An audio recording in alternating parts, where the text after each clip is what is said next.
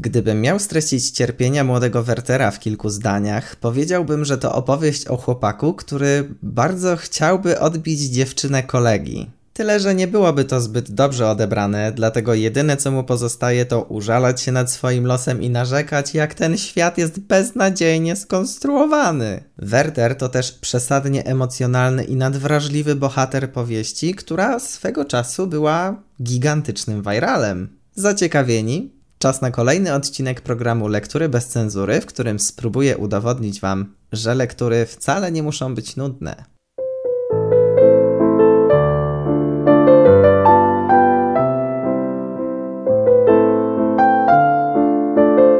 Zanim zaczniemy, jedna mała prośba ode mnie. Jeśli spodoba się Wam ten odcinek, to zasubskrybujcie lektury bez cenzury, a jeśli słuchacie na Spotify, to zaobserwujcie, żeby nie przegapić kolejnych opracowań. Na początek mam dla Was, wydaje mi się, dość zaskakującą ciekawostkę. Nie wiem, czy wiecie, ale po wydaniu Cierpień Młodego Wertera powieść ta z miejsca stała się absolutnym hitem, a ludzie oszaleli na jej punkcie. Za sprawą Goethego w Europie zapanowała epidemia nazwana gorączką werterowską. Pod wpływem lektury wielu młodych facetów zaczęło naśladować Wertera, na przykład ubierali się jak on w niebieski frak, żółtą kamizelkę, czarne spodnie i brązowe buty ze sztylpami. A niektórzy szli jeszcze o krok dalej w naśladowaniu Wertera i popełniali samobójstwo, trzymając w rękach egzemplarz dzieła Goethego. Pierwsze wydanie Wertera rozeszło się jak świeże bułeczki, dlatego jeszcze tego samego roku przygotowano dwa kolejne wydania.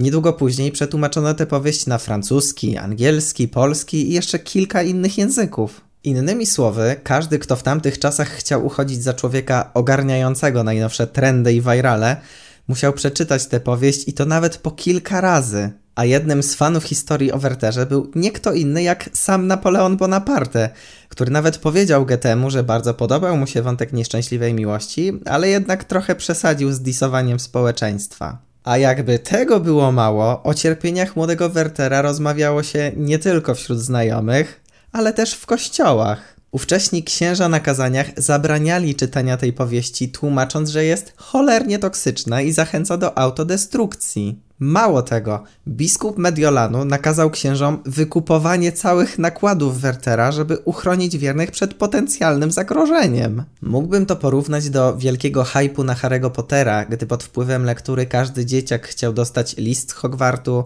zastanawiał się do którego z czterech domów mógłby dołączyć, a niektórzy księża ostrzegali przed diabelskim wpływem tej powieści na dzieciaczki.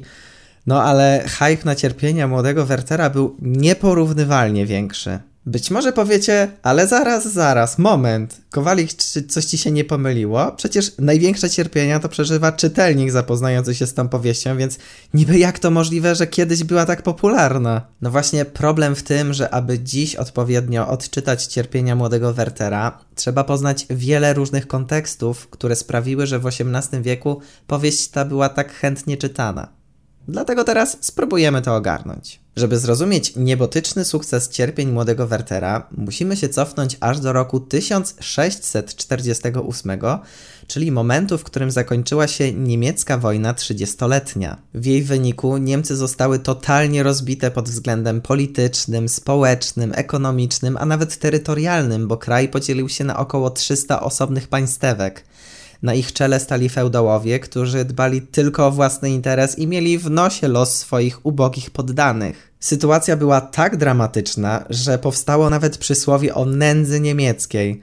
Więc w tamtych czasach to raczej Niemcy przyjeżdżaliby do Polski do roboty, a nie tak jak teraz. A gdzieś pomiędzy chłopami i panami było jeszcze mieszczaństwo, które w tej sytuacji musiało przejąć rolę arystokracji i stać się nową inteligencją. I to właśnie młodzi niemieccy studenci zaczęli rozkminiać, że oświeceniowe poglądy są tyle warte co dzisiejsze ruble. No bo jak tu wierzyć w racjonalność i porządek świata, skoro te wszystkie niby przemyślane reguły doprowadziły do totalnej zapaści i stagnacji? W drugiej połowie XVIII wieku sytuacja ekonomiczna Niemców nieco się poprawiła, ale nadal panowała zasada, że bogaci bogacili się jeszcze bardziej, a biedni byli coraz biedniejsi. Wtedy to młoda mieszczańska inteligencja zaczęła coraz głośniej mówić, że to w sumie jest trochę niesprawiedliwe i że jeśli ten uporządkowany oświeceniowy świat jest taki beznadziejny, to może trzeba by coś pozmieniać. Młodzi literaci doszli do wniosku, że jedyny i prawdziwy porządek to ten związany z prawami natury,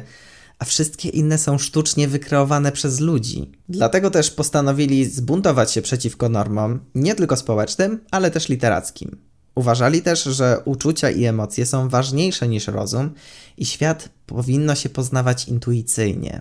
Innymi słowy, podczas okresu burzy i naporu w Niemczech młodzi mieszczanie stali się pankami, którzy uważali, że najlepiej byłoby cały świat zburzyć, zaorać i posypać solą, żeby ludzie znów zaczęli żyć pełnią życia i zwrócili się w kierunku natury. No ale że szanse zrealizowania takiego scenariusza były bliskie zeru, postanowiono wyrazić swój bunt w każdy inny możliwy sposób.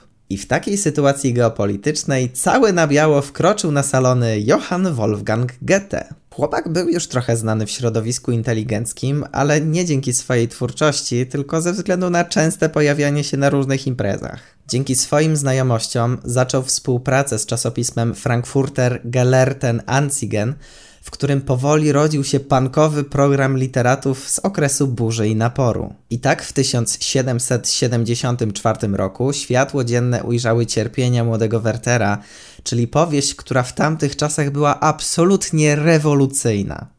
Czemu? Po pierwsze, zgodnie z oświeceniowymi standardami, każdy tekst literacki musiał kończyć się jakąś nauczką czy przestrogą, żeby czytelnik wyciągnął jakąś lekcję na przyszłość.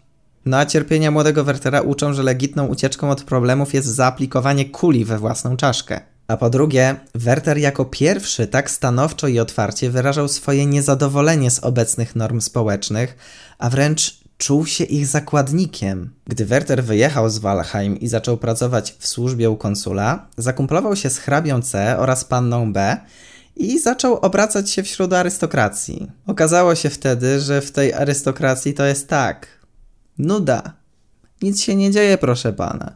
Nic. A przynajmniej nic się nie działo do czasu, gdy na wiksę organizowaną przez hrabiego C wpadł sam Werter.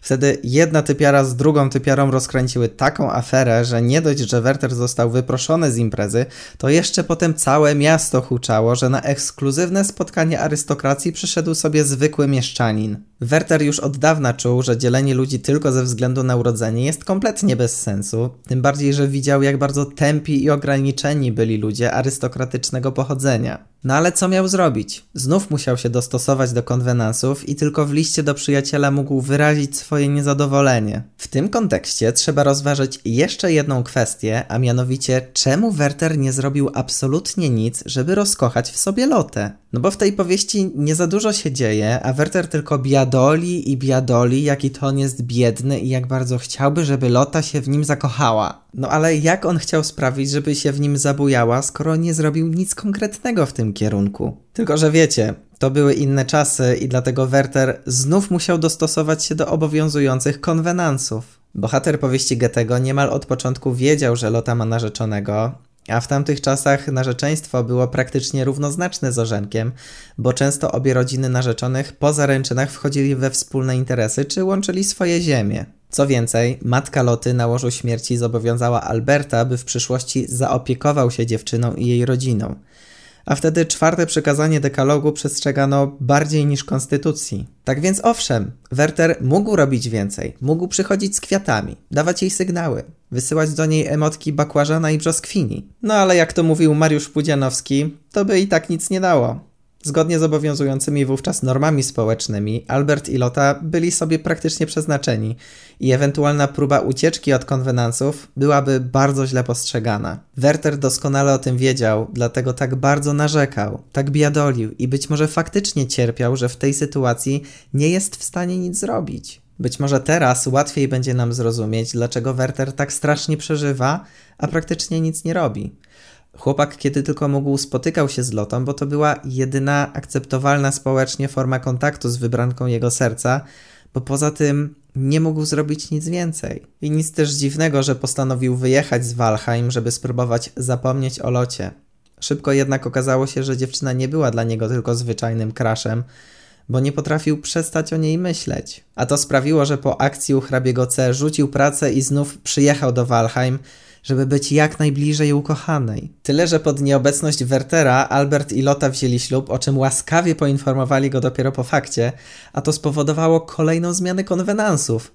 No bo skoro byli już małżeństwem, no to nie wypadało, żeby ich stary znajomy tak często ich odwiedzał. Werter tylko raz zaryzykował i postanowił złamać konwenanse. Chłopak przyszedł do domu Loty akurat w momencie, gdy Albert był w delegacji. Dziewczyna poprosiła Wertera, aby przeczytał dla niej fragmenty swojego tłumaczenia pieśni Osjana.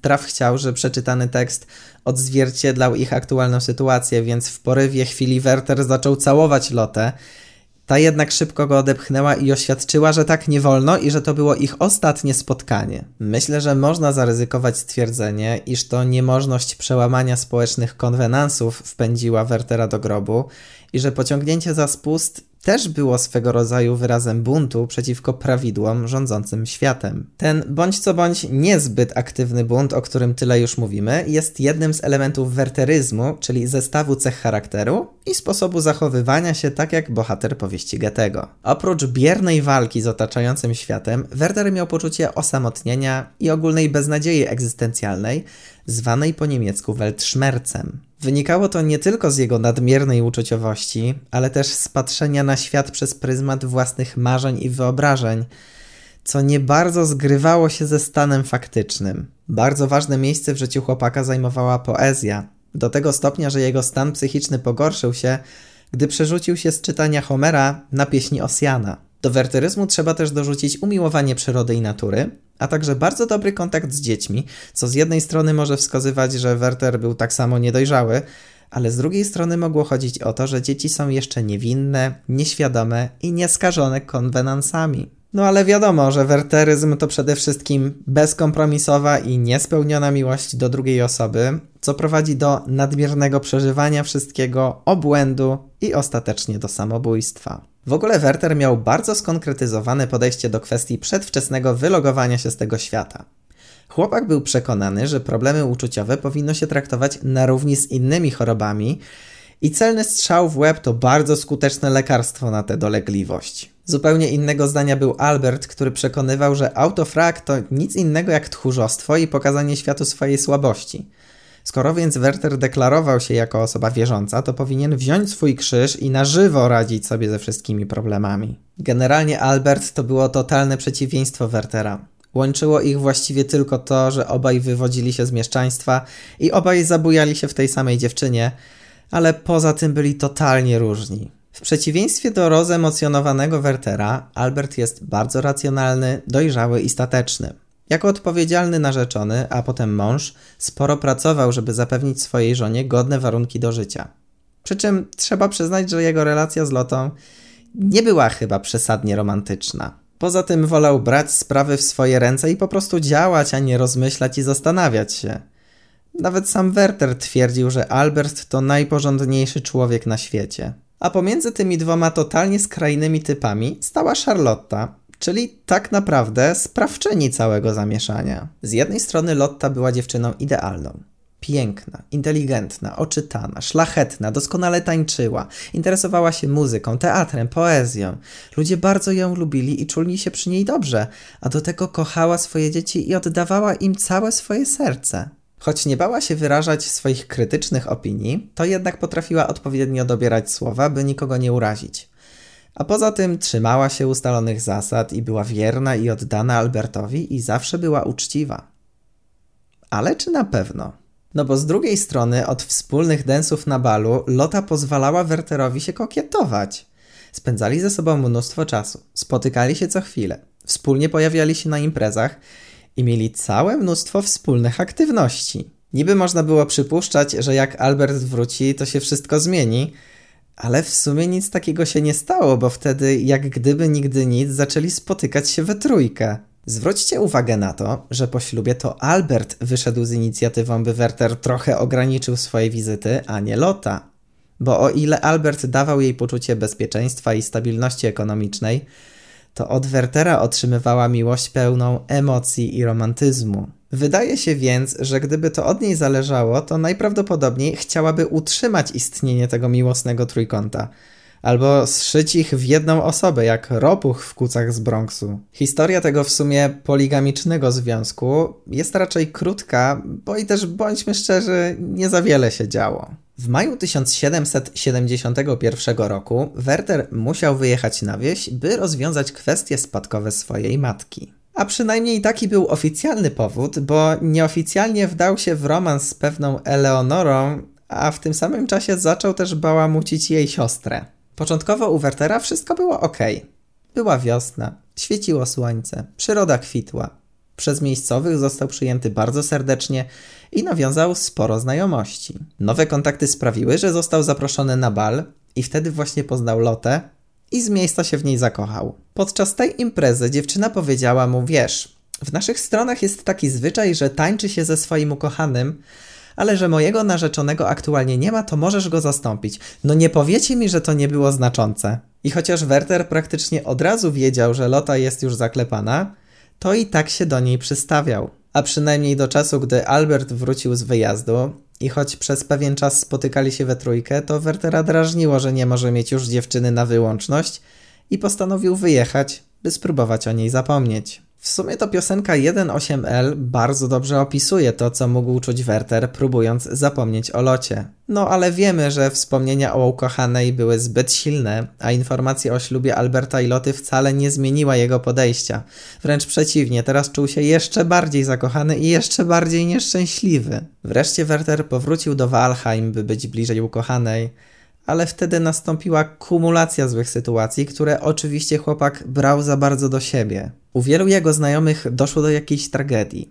A to pewnej kobiecie zmarło najmłodsze dziecko. A to znajomy proboszcz zmarł, a nowy ksiądz na parafii ściął stare orzechy. A to jakiś obłąkany typ szukał kwiatów w listopadzie i okazało się, że to gość, który oszalał z miłości do loty. A to pewien zakochany we wdowie parobek został wyrzucony z roboty, a potem z zazdrości zabił jej nowego służącego. No i na koniec Lota poprosiła Wertera, by już tak często nie przychodził do ich domu, a po akcji z pocałunkami w ogóle zabroniła dalszych spotkań. W tej sytuacji Werter postanowił więc zakończyć swoje życie. Pożyczył od Alberta pistolety, a od służącego dowiedział się, że to Lota podała broń, więc był przekonany, że jego ukochana rozumie i akceptuje ten wybór. Ostatecznie pod koniec grudnia 1772 roku Werter postanawia jednym szybkim strzałem zakończyć swoje męki. No tylko, że nie, bo strzał był na tyle nieudolny, że Werter konał jeszcze przez kolejnych kilkanaście godzin, cały czas będąc przytomnym i świadomym. Nie wiem, czy wiecie, ale historia przedstawiona w powieści wydarzyła się naprawdę i przytrafiła się autorowi Wertera. To znaczy tylko w pewnej części. Goethe wyjechał na praktykę adwokacką do Wetzlaru, gdzie zapoznał się z Janem Christianem Kestnerem i jego narzeczoną Charlottą Buff. Cała trójka szybko się zaprzyjaźniła i często się spotykała, ale w pewnym momencie Goethe zadłużył się w Charlotcie. Sytuacja robiła się coraz bardziej napięta, bo co prawda żadne z nich nie przekroczyło granic, ale wszyscy doskonale zdawali sobie sprawę z uczuć Goethego. Autor Wertera postanowił więc wymiksować się z tej sytuacji i nagle wyjechał bez pożegnania, choć potem przeżył załamanie nerwowe i ciągle wspominał piękne chwile przy ukochanej. Goethe powrócił do Wetzlaru parę miesięcy później, ale nie z tęsknoty za ukochaną, tylko z powodu samobójczej śmierci jego przyjaciela, Karla Wilhelma Jeruzalema. Jak się okazało, chłopak targnął się na swoje życie z wielu powodów. Między innymi miał kosę ze swoim pracodawcą, został poważnie obrażony na pewnej imprezie i był też nieszczęśliwie zakochany w żonie kolegi. Jeruzalem pożyczył pistolety od Kestnera i strzelił sobie w głowę, a ubrany był wówczas w żółtą kamizelkę i niebieski frak. Jak więc widzicie, w cierpieniach młodego Wertera Goethe połączył swoje własne przeżycia związane z nieszczęśliwą miłością z historią swojego tragicznie zmarłego przyjaciela. Wypadałoby też powiedzieć, że cierpienia młodego Wertera to powieść epistolarna, czyli napisana w formie listów. Swoją drogą ciekaw jestem, czy gdyby dzisiaj wydano książkę z wydrukowanymi DM-ami z Insta, to dalej byłaby to powieść epistolarna, czy trzeba by było wymyślić inną nazwę? Formalistów pozwalała na poznanie przeżyć, motywacji i przemyśleń głównego bohatera. W takiej powieści akcja jest tylko lekko zarysowana, gdyż dużo ważniejsze jest zagłębienie się w psychikę Wertera. A skoro już jesteśmy przy psychice Wertera, Często można spotkać się z opinią, że współcześnie czytanie cierpień młodego Wertera to droga przez mękę. Ludzi denerwuje nie tylko bierność głównego bohatera, ale też ciągłe i nadmierne przeżywanie każdej, nawet najmniejszej pierdoły. No bo przecież normalnie ludzie tak nie mają. Ale czy na pewno? Chciałbym postawić pewną hipotezę, ale od razu zastrzegam, że to tylko mój wymysł i musicie zapytać swoich nauczycieli, czy to w ogóle ma sens. Moim zdaniem Werter był osobą, którą współcześnie nazywalibyśmy WWO, czyli wysoko wrażliwą osobą. Jak podają różnego rodzaju badania naukowe, osoby takie mają bardzo czuły układ nerwowy i delikatnie inaczej zbudowane mózgi, dlatego odczuwają bodźce znacznie mocniej niż przeciętni ludzie. I nie dotyczy to tylko bodźców zewnętrznych, ale też wewnętrznych. Objawów i znaków świadczących o tym, że mamy do czynienia z osobą wysoko wrażliwą jest cała masa. Wśród nich znajdziemy na przykład nadmierne przeżywanie emocji swoich oraz przyjmowanie na siebie emocji innych osób, a także branie wszystkiego do siebie. Mamy też tak zwane głębokie myślenie, czyli analizowanie wszystkich zależności składających się na daną sytuację, tworzenie w głowie licznych, często sprzecznych scenariuszy, potrzeba wyciszenia, czyli swoista ucieczka przed światem, skłonność do depresji, czy wahanie nastroju, często wywoływane przez pogodę. Brzmi znajomo? Moim zdaniem Werter jest modelowym przykładem osoby wysoko wrażliwej i jeśli chcielibyście dowiedzieć się mniej więcej, co dzieje się w głowie człowieka, który wszystko przeżywa aż za bardzo, to powinniście sięgnąć po tę lekturę. Jeśli czytanie ciągle tych samych wyolbrzymionych rozterek miłosnych będzie Wam sprawiać trudność, to miejcie na uwadze to, że osoby wysoko wrażliwe mają to na co dzień. Z powieścią Goethego związane jest także zjawisko społeczne nazywane efektem Wertera. W latach 70. XX wieku amerykański socjolog David Phillips zauważył, że liczba prób samobójczych rośnie w momencie, gdy w mediach pojawiają się przekazy o samobójczej śmierci np. znanej osoby. Zresztą bardzo podobna sytuacja miała miejsce już po pierwszym wydaniu Cierpień Młodego Wertera, o czym już sobie powiedzieliśmy. Dajcie znać w komentarzach, czy waszym zdaniem Wertera faktycznie można sklasyfikować jako osobę wysoko wrażliwą. Nie zapomnijcie też dać łapki w górę i zasubskrybować ten kanał, bo kolejne omówienia lektur już niebawem.